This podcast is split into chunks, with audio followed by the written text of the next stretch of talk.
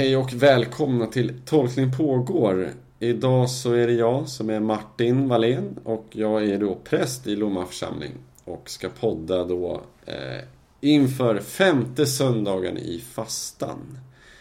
Och idag är jag med mig en gäst. Som heter Fredrik Kjellman. Som är socionom och arbetar som det. Just det. Mm. Kul! Ja, Jag hoppas att vi ska få nya perspektiv liksom. Ja, det är vad jag, vad jag hoppas att bidra med också här faktiskt. Ja. Ibland i kyrkan så är vi så eh, inrutade med att bara umgås med varandra. Så det här blir spännande att få ett annat perspektiv än vårat, tänker jag. Mm. Eh, Men vi, jag tänker att vi läser texten direkt som eh, vi ska ha idag. Och då är det då Markus evangeliet eh, om eh, liknelsen om arrendatorerna i vingården. Vill du läsa lite Fredrik? Eller vi delar på texten gör vi. Just det. Jesus talade till översteprästerna, de skriftlärda och de äldste i liknelser. En man planterade en vingård, satte stängsel kring den, högg ut ett presskar och byggde ett vakttorn. Därefter arrenderade han ut den och reste bort. När tiden var inne skickade han en tjänare till arrendatorerna för att hämta en del av vingårdens skörd. Men de grep honom, pryglade honom och körde iväg honom tomhänt. Då sände ägaren en annan tjänare till dem. Honom slog de i huvudet och skymfade. Då skickade han en till och honom dödade de. På samma sätt med många andra. En del misshandlade dem och andra dödade dem. Nu hade han bara en, sin älskade son. Och honom skickade han som den siste. Han sa. Min son kommer de ha respekt för.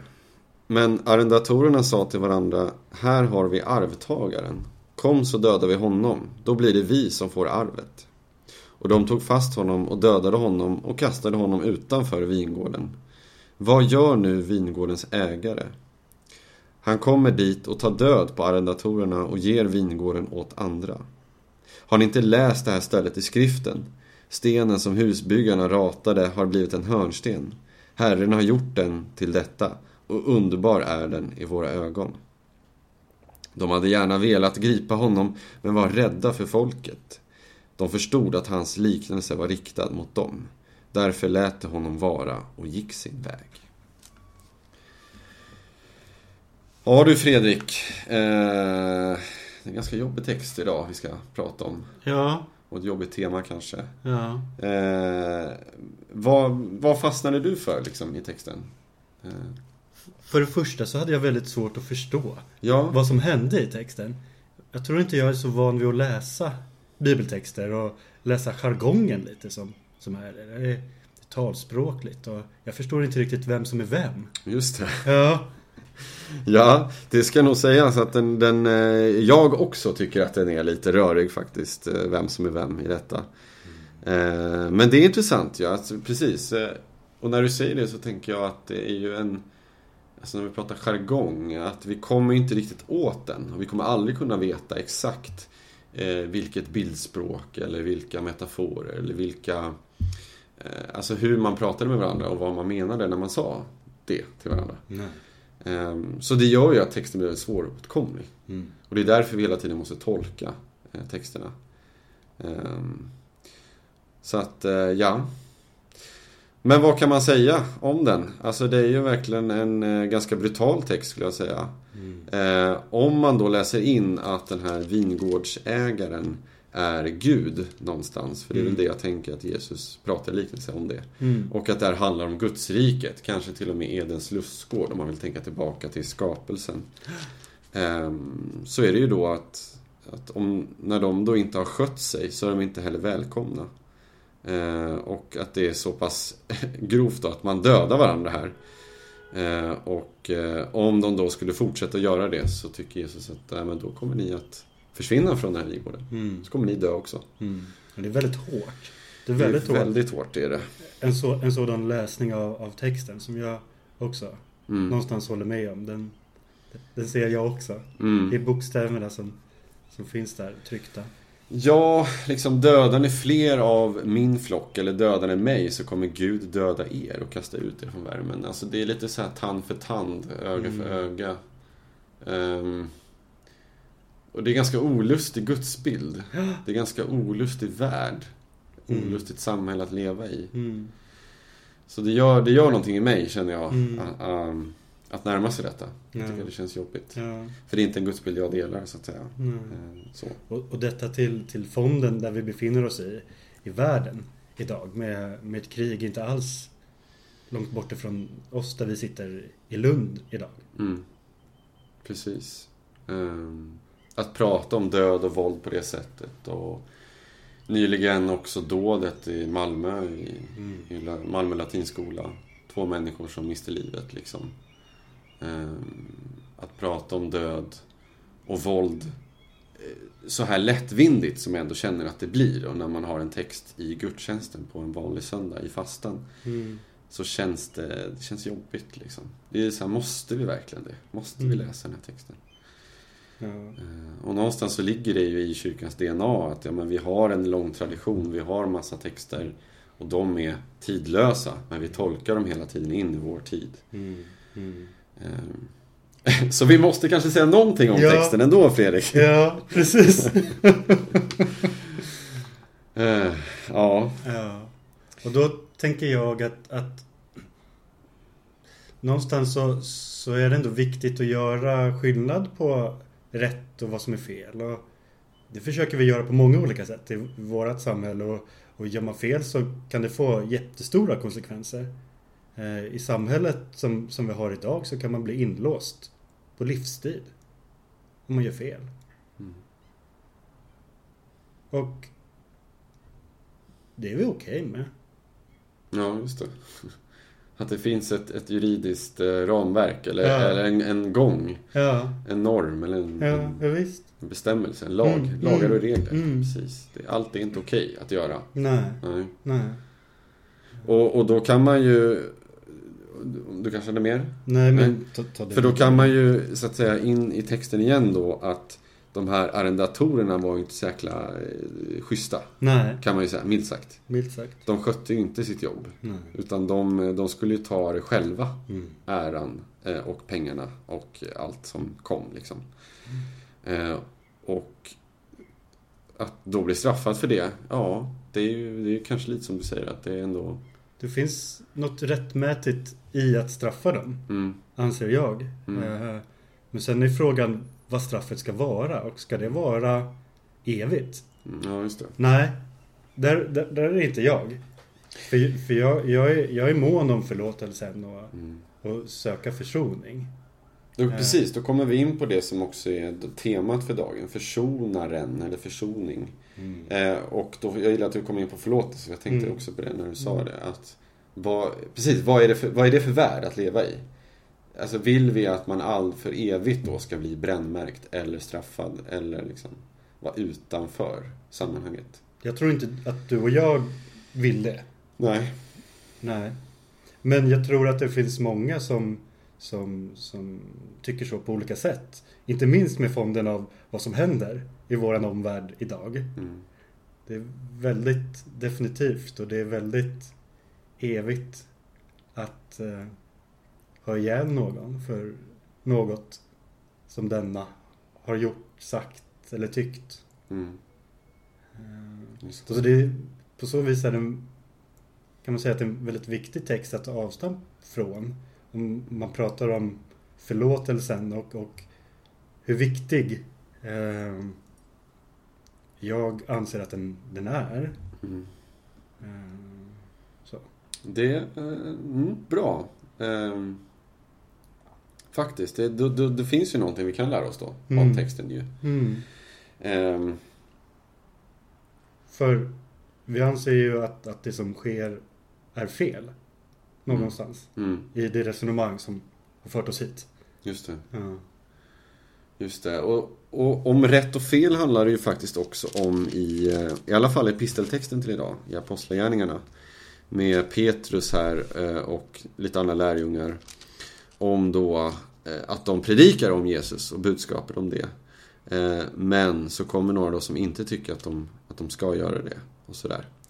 Eh, överste prästen här, Hannas och liksom Kajafas känner vi igen. Och alla där. Men att de ändå, de upplever att ja, men vi har rätt till att prata om det här och predika om det här. Men någon annan tycker inte det. Så det är ju lite det här rätt och fel. Och så har vi också GT, gammaltestamentliga texten då såklart med Abraham och Isak där. Som är en väldigt välkänd text.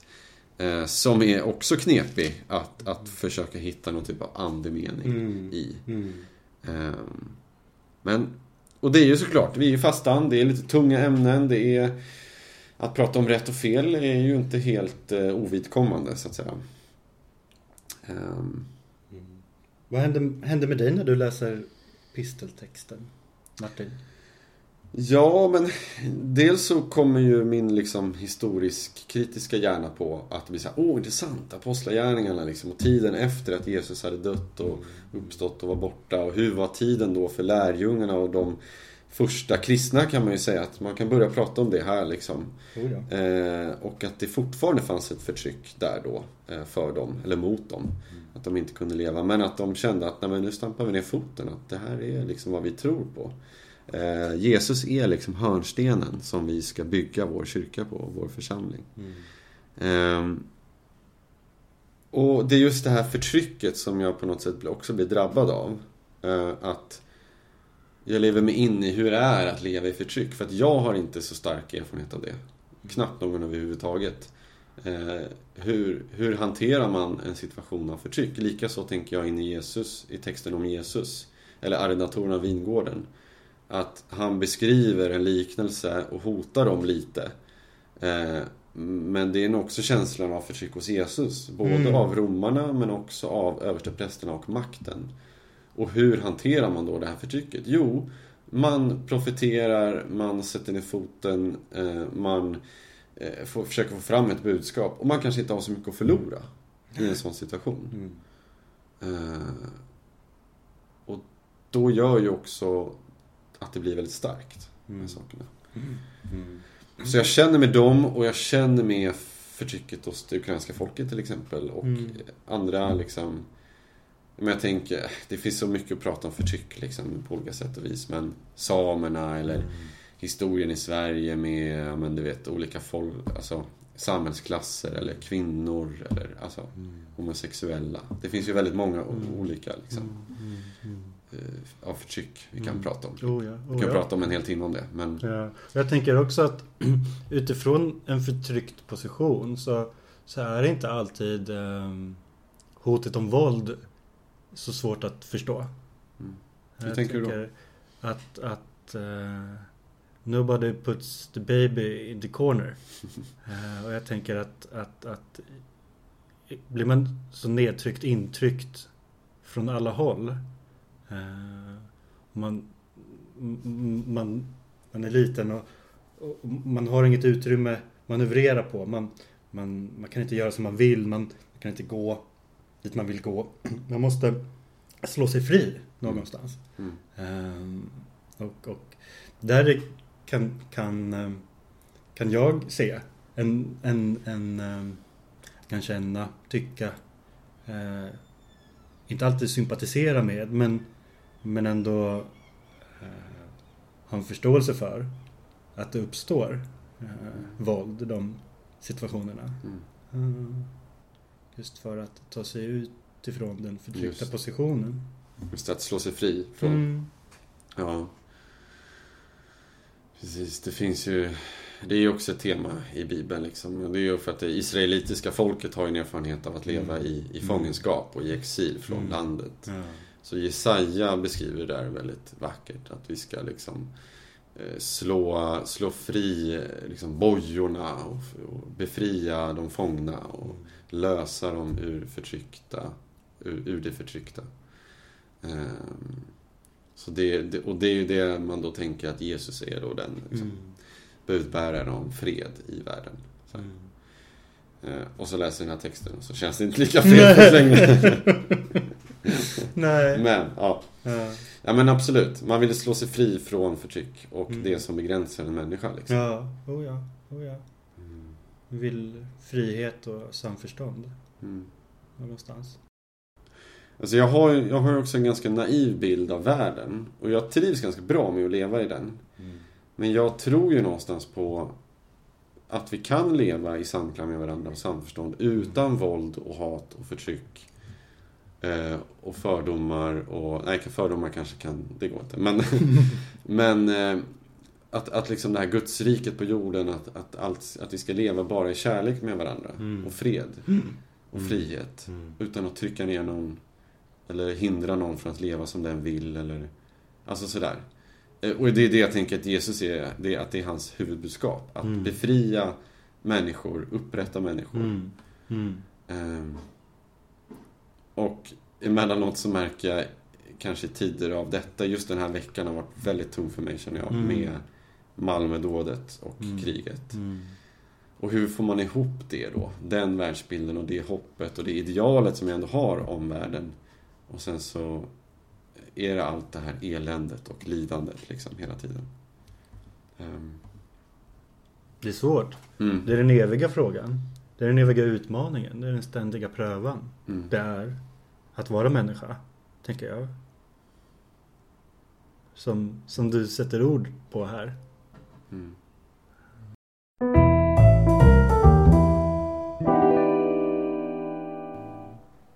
En sak jag också tänker på när jag läser texterna idag, eller framförallt kanske Marcus Evangeliets text, är ju lite sådär vem som är välkommen egentligen. Vem är välkommen i det fina palatset eller den fina trädgården? Eh, Eller den här vingården då som det pratas om. Eh, Och det för mig liksom får in tankar på eh, ja, men gated communities som, Mm. som är på tapeten. Jag vet att de skulle bygga någon park någonstans i Sverige nu. Det är ganska vanligt i USA. Eh, Jag tänker bara vart man än reser när man ser människor som har mycket rikedom som, man syn, som syns utåt, att man har ett stort hus. Då är det väldigt, väldigt ofta det är murar utanför ett sånt stort hus. Mm. Ehm, så att det är lite kopplat till texten då, alltså vad är det som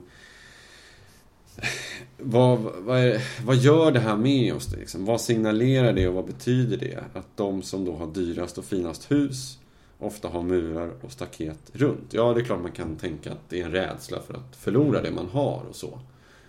Eh, och bygga upp det. Man inte... Men det betyder ju också att man stänger ute väldigt många andra. Jag tänker kanske lite mer billigt, liksom. inte att alla ska ta in folk i sitt hem, men ändå... Vad gör det med oss att tänka att vi inte är att ha vår... Alltså att öppna upp för andra? Det jag tänker lite liksom med flyktingar, invandrare, ehm, men också i vår vardag. Alltså, hur lever vi egentligen? Öppna, vågar vi öppna upp oss själva för det som händer och det som kommer till oss? Eller, eller är vi stängda? Liksom?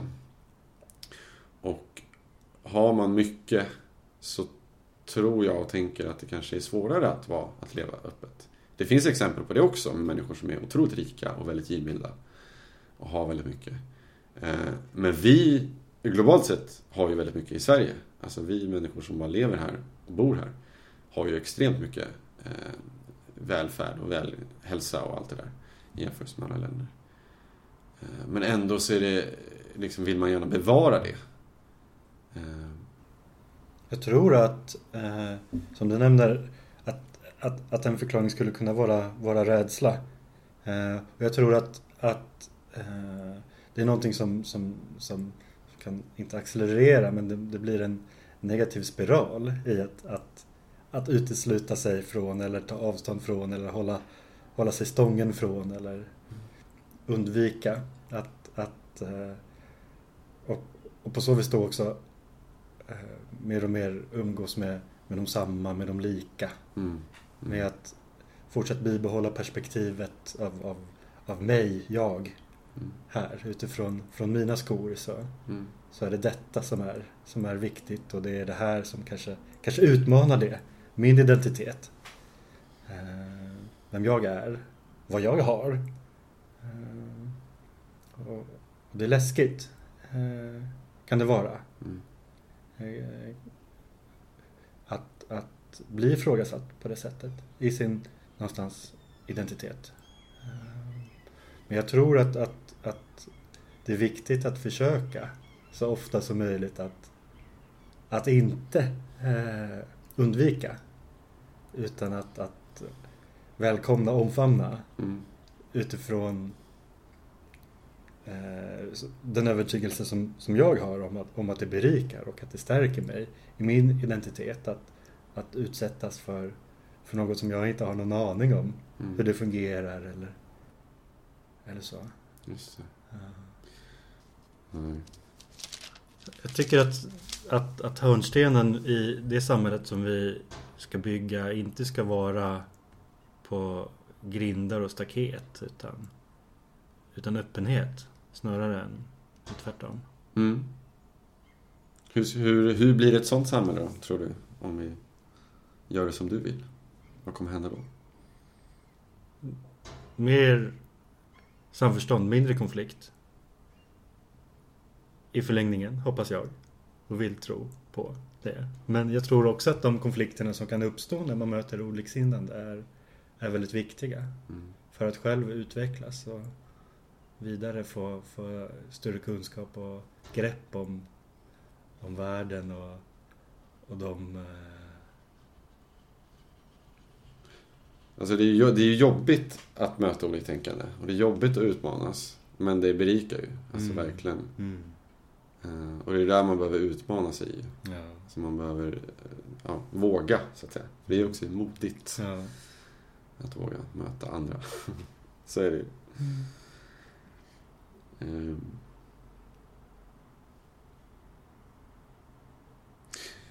Ja, um, det är spännande sådär med bibeltexter. Det som jag noterade här, om jag skulle bli lite exegetisk då för lyssnaren också, är att den här texten är hämtad ur Markusevangeliet. då, men enligt kronologin här så befinner, man, befinner vi oss nu i Jerusalem. Och då är det alltså efter palmsöndagen och det är snart dags för påsk. Men vi befinner oss ju i fastan såklart, i, i vårt kyrkår. Och sen är det då en, ett sjok av texter som handlar om interaktioner mellan Jesus och lärda människor. Det vill säga det handlar då om skrifttolkning och teologi. Och sen också då vem Jesus var och vilken makt han gjorde anspråk på. Och det är ju såklart ett, centra, ett centralt tema när vi pratar påsk. Um, att det var det som han blev anklagad för. Att han, hade, att han, att han på något sätt var Gud eller var, kunde förlåta synder, kunde göra underverk. Eh, sådär.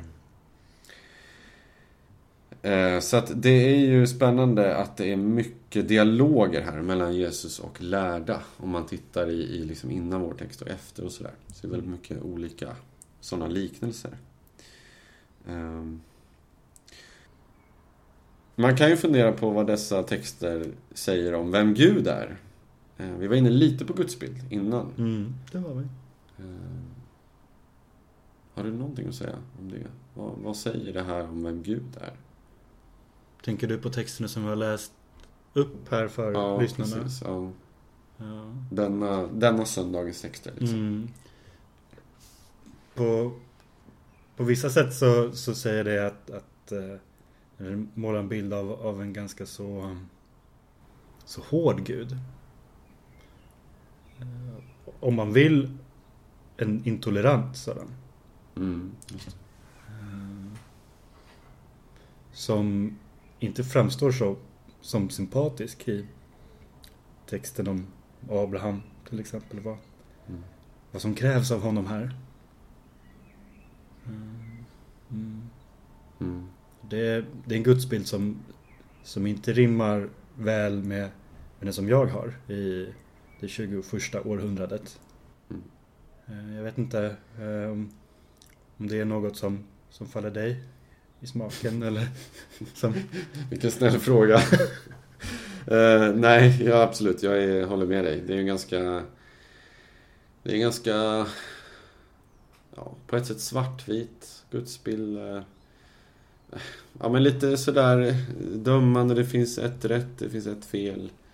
Liksom, jag tror ju på en gud som är större än, än så här. Och, och är mer välkomnande, mer öppen famn, mer nåd, mer barmhärtighet. Ehm. Så att det känns, ja men som jag sa inledningsvis, att det känns lite olustigt att det skulle vara en gud som vill som är för att, att döda eh, eller att mörda andra. Fast å andra sidan då med Isak och Abraham här då eh, inte då så att säga vill att Isak ska dö. Eh, men eh, om jag tänker på just vingårdsliknelsen. Eh, eller så är det så att eh, i Guds trädgård så får man inte plats om man är mördare. Så kan det också vara. Men då får vi å andra sidan problem igen med förlåtelse och försoning. Mm, mm, mm.